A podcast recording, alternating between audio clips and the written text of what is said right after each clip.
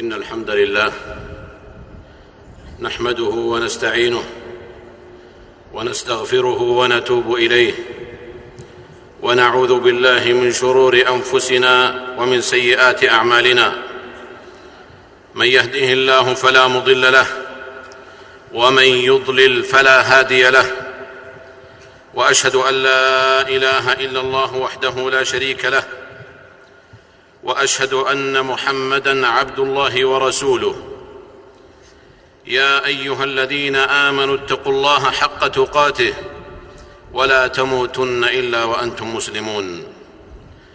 يا أيها الناس اتقوا ربكم الذي خلقكم من نفس واحدة وخلق منها زوجها وبث منهما رجالا كثيرا ونساء واتقوا الله الذي تساءلون به والأرحام إن الله كان عليكم رقيبا.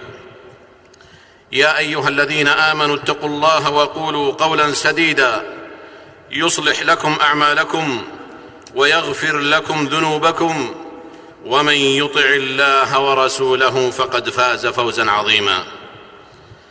أما بعد فيا أيها الناس لقد ميز الله أمة الإسلام بحسن التعامل بحسن التعامل مع غير الحياة ودروبها. فهم يشكرون الله في سرائها ويصبرون الصبر الجميل في ضرائها. إن انتصروا علموا أن النصر من عند الله. وإن هزموا علموا أنه من عند أنفسهم. كما علمهم بذلك ربهم جل وعلا. أولما أصابتكم مصيبة قد أصبتم مثليها. قلتم أن هذا. قل هو من عند أنفسكم. إن الله على كل شيء قدير. وقد بليت أمة الإسلام في هذا الزمن بالبركان المعلوماتي الثائر والموج التقني الهائج. فقرب البعيد وكشف المخبوء. فكان نتيجة هذا الطوفان الجارف من الحضارة التي رفهت الجسد وأوحشت الروح. أن أصبح العالم كله كالكتلة الواحدة اجتمع فيها بطش عاد بطش عاد ومعصية قوم لوط وسحر فرعون وقومه وتطفيف مدين وسخرية قوم نوح وكيد إخوة يوسف. حتى أصبحت أمتنا من جملة المنكوبين بلهيب هذه النار واعتراهم معترك الحضارة بهمومه وغمومه وعجره وبجره فزادت سخونتهم غليانا وطينهم بلة وطينتهم بلة وكربهم وجعا وضيقهم حرجا. حتى عشعش في أفئدة كثير منهم. عنكبوت الناس عنكبوت اليأس عنكبوت اليأس والتشاؤم وأصابهم من الضيق. ما يجعل صدر الواحد منهم ضيقا حرجا كأنما يصعد في السماء. لقد كثرت آلامهم واغتيلت آمالهم فخربت أرضهم وديارهم وأموالهم وصياصيهم. وزج بهم في كل مضيق ليتجرعوا حقائق مزورة ليتجرعوا حقائق مزورة على شرق وهم يتهوعون وهم يتهوعون الظلم والحيف من أجل أن يعترفوا بأن حقهم باطل وباطل غيرهم حق. حتى كشف الستار عن زيف هذه الحضارة وتيه العدل فيها. وظهور ما يسمى حقوق الإنسان بوجه كالح ليس لأمة الإسلام منه نصيب تحت صرير المجنزرات والمقاتلات التي تحصد أرواحهم بلا رقيب ولا حسيب ولا ذمة ولا رحمة بشرية. وأمة الإسلام أمة عزيزة لا تنقب مهما ضاقت أمورها عن نائحة مستاجرة. ولا إعارة ضئر تودع قضاياها ترائبها لأن الدموع لا تعار. والبكاء لا يحيي الميت فلم يكن للأمة المسلمة بد إلا أن تعتصم بحبل خالقها قبل كل شيء ثم بحبل الاتحاد والاجتماع لقادة الأمة لنصر قضيتها والدفاع بكل ما تملك من جهد واستطاعة. في كفكفة دموع الأيتام والثكالى والجرحى الذين طالتهم الذين طالتهم حروب الظلم والقهر والجبروت. فأمة الإسلام لديها من معين دينها ما تستطيع من خلاله أن تكون أقوى الأمم وأعدل الأمم إذا جمعتها وحدة الدين والتعاون على البر والتقوى. فإن تم لها ذلك فإن تم لها ذلك فإن عدوها لن يستطيع أن يقتلها ولا أن يشيع جنازتها. ولو أرجع بصره لانقلب إليه بصره خاسئا وهو حسير. فإن أمة الإسلام قد تضعف لكنها لا تموت وقد تهزم ولكنها لا تستكين لأن الله جل وعلا يقول ولا تهنوا ولا تحزنوا وأنتم الأعلون إن كنتم مؤمنين. إن يمسسكم قرح فقد مس القوم قرح مثله. وتلك الأيام نداولها بين الناس. وليعلم الله الذين آمنوا ويتخذ منكم شهداء. والله لا يحب الظالمين. وليمحص الله الذين آمنوا ويمحق الكافرين. عباد الله إن على أمة الإسلام أن تلتمس في كل ضيق طيف السعة وفي كل كرب طيف الفرج. فالنبي صلى الله عليه وسلم أمر بالفأل ونهى عن التشاؤم. فقد قال صلوات الله وسلامه عليه يعجبني الفأل. قالوا وما الفأل؟ قال الكلمة الطيبة. رواه البخاري ومسلم. ومن هنا وجب على أمة الإسلام أن تغلب جانب الفأل في حياتها حتى لا تقضي عليها نوائب الحروب والخطوب. وألا تستحكمها حلقات المضايق لأن الله لا يعجزه شيء في الأرض ولا في السماء. ولأن أمة الإسلام ليست ظالمة ولا معتدية ولم ولن يكون من طبيعتها الظلم والغدر وهدر الحقوق. والارتواء بالدماء والشبع بالأشلاء. إنها أمة عدل وعبودية لله لأن من عرف الله نصره وأمده بعونه وأمده بعونه وتوفيقه. وليس لليأس والقنوط. سبيل أمام كل واثق بالله وبوعده بنصر كتابه وسنة نبيه صلى الله عليه وسلم. قال جل شأنه من كان يظن أن لن ينصره الله في الدنيا والآخرة فليمدد بسبب إلى السماء ثم ليقطع فلينظر هل يذهبن كيده ما يغيظ.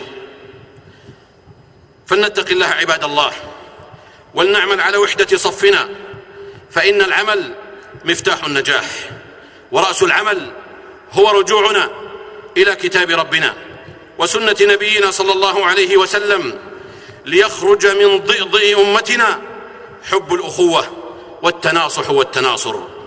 لأن ما أصاب أمة الإسلام لم يكن بدعا من الأمر بل إنه نتيجة خلل وفتوق وتقصير ملحوظ في قيام المسلمين بواجباتهم تجاه إخوانهم في الدين حتى لاقت الأمة من أعدائها مكرا في صورة لين وبطشا في صورة تأديب مع, مع احتراف مع احتراف في الهمجية والجبروت والتلويح بالقوة وحق النقض الجائر وترك الجدال بالتي هي أحسن إلى الجدال بالتي هي أخشن حتى جعلوا من ذواتهم أشباحا مرهوبة وحقوق من سواهم وحقوق من سواهم لبانات ممضوغة يلفظونها بعد علكها بين مخالب القوى الباطشة.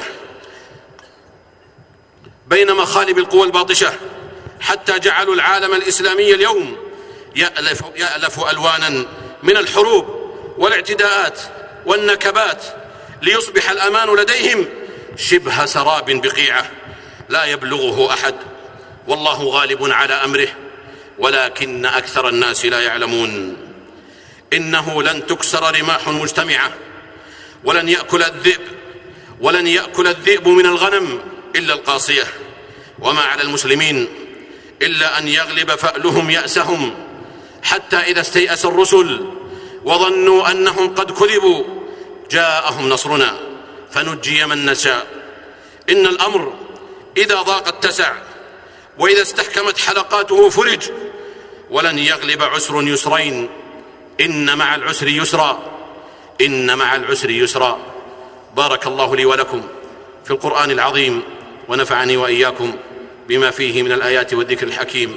قد قلت ما قلت إن صوابا فمن الله وإن خطأ فمن نفسي والشيطان. وأستغفر الله إنه كان غفارا.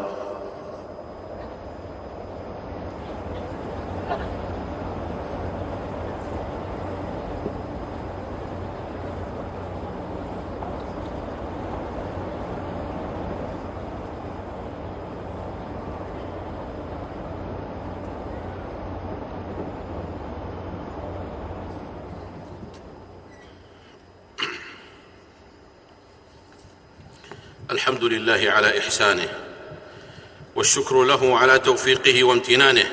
وبعد فاتقوا الله عباد الله.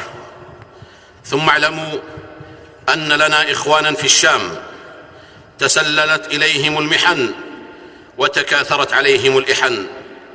اجتالتهم قوى الظلم والبغي فضاعوا وسط زحام التسلط والجبروت. ظلم وعدوان وفاقة وتشريد أطفال يتامى ونساء ثكالى يبكون ألما ويتلمضون جوعا وقهرا قد وكفت سقوفهم ونزت جدرانهم وساقطت بيوتهم وانهالت عليهم حمم القنابل والشظايا وامتلأت أوديتهم جثثا وهاما فما عادت الدور دورا ولا المنازل منازل إن ذلك كله عباد الله. ليضع على كل عاتق نصيبه من المسؤولية أمام الله من قادة وحكام وعلماء ومصلحين ومفكرين وشعوب. ليقف المسلمون أمام موقف واع موحد تجاه طوفان التكالب والتمالؤ على إخواننا في سوريا. إن على كل واحد منا مسؤوليته تجاه إخواننا في الشام. فالله الله فالله الله فالله الله أمة الإسلام. والله الله قادة المسلمين. والله الله قادة المسلمين.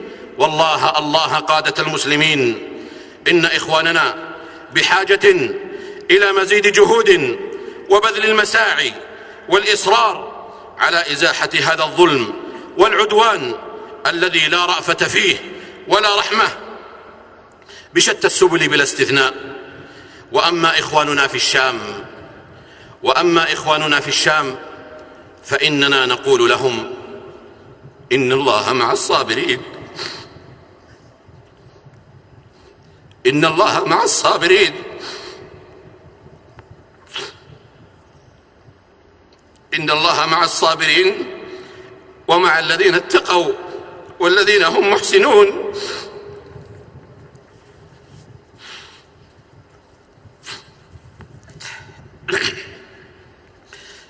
إن الله لطيف بعباده. وسينصر المظلوم وسينصر المظلوم بوعده الذي كتبه على نفسه. ولتستمعوا ولتستمعوا يا إخواننا في الشام إلى ما رواه الحاكم في المستدرك بسند صحيح عن عمر الفاروق رضي الله عنه أنه بلغه أن عبيدة حصر بالشام. أن أبا عبيدة حصر بالشام. وقد تألب عليه القوم. وقد تألب عليه القوم. فكتب إليه عمر سلام عليك.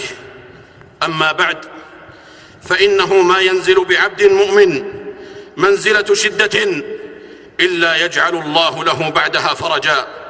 ولن يغلب عسر يسرين.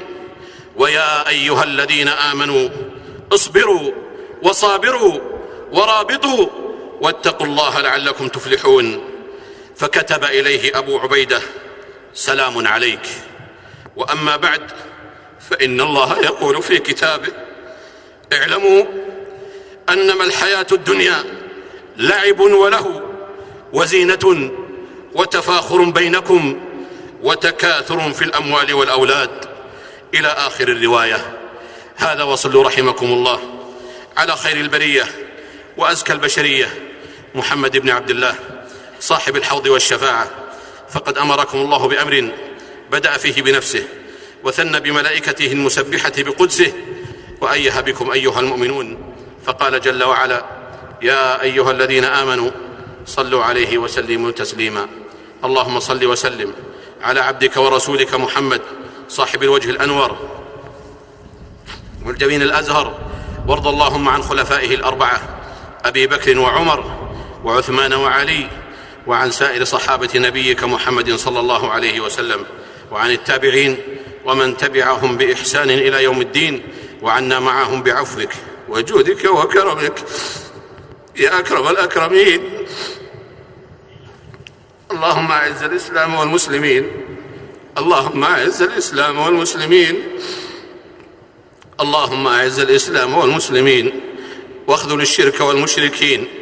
اللهم انصر دينك وكتابك وسنة نبيك وعبادك المؤمنين. اللهم فرج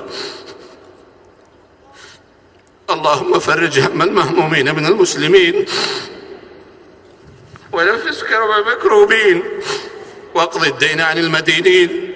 واشف مرضانا ومرضى المسلمين. برحمتك يا أرحم الراحمين. اللهم آمنا في أوطاننا وأصلح أئمتنا وولاة أمورنا. واجعل ولايتنا في من خافك واتقاك واتبع رضاك يا رب العالمين. اللهم وفق ولي أمرنا لما تحبه وترضاه من الأقوال والأعمال. يا حي يا قيوم. اللهم أصلح له بطانته يا ذا الجلال والإكرام. اللهم انصر إخواننا المستضعفين في دينهم في سائر الأوطان. اللهم انصرهم في بورما وفي فلسطين وفي سوريا. اللهم كن لإخواننا في سوريا. اللهم كن لإخواننا في سوريا. اللهم عليك بعدوك عدوهم. يا ذا الجلال والإكرام. اللهم منزل الكتاب ومجري السحاب وهازم الأحزاب. اهزمهم وانصر إخواننا عليهم. اللهم اجعل شأن عدوهم في سفال وأمره في وبال يا ذا الجلال والإكرام. اللهم ارحم. حنين حانتهم وأنين آنتهم. يا حي يا قيوم. اللهم فك أسراهم وارحم موتاهم. يا ذا الجلال والإكرام. ربنا آتنا في الدنيا حسنة وفي الآخرة حسنة وقنا عذاب النار. سبحان ربنا رب العزة عما يصفون وسلام على المرسلين. وآخر دعوانا أن الحمد لله رب العالمين.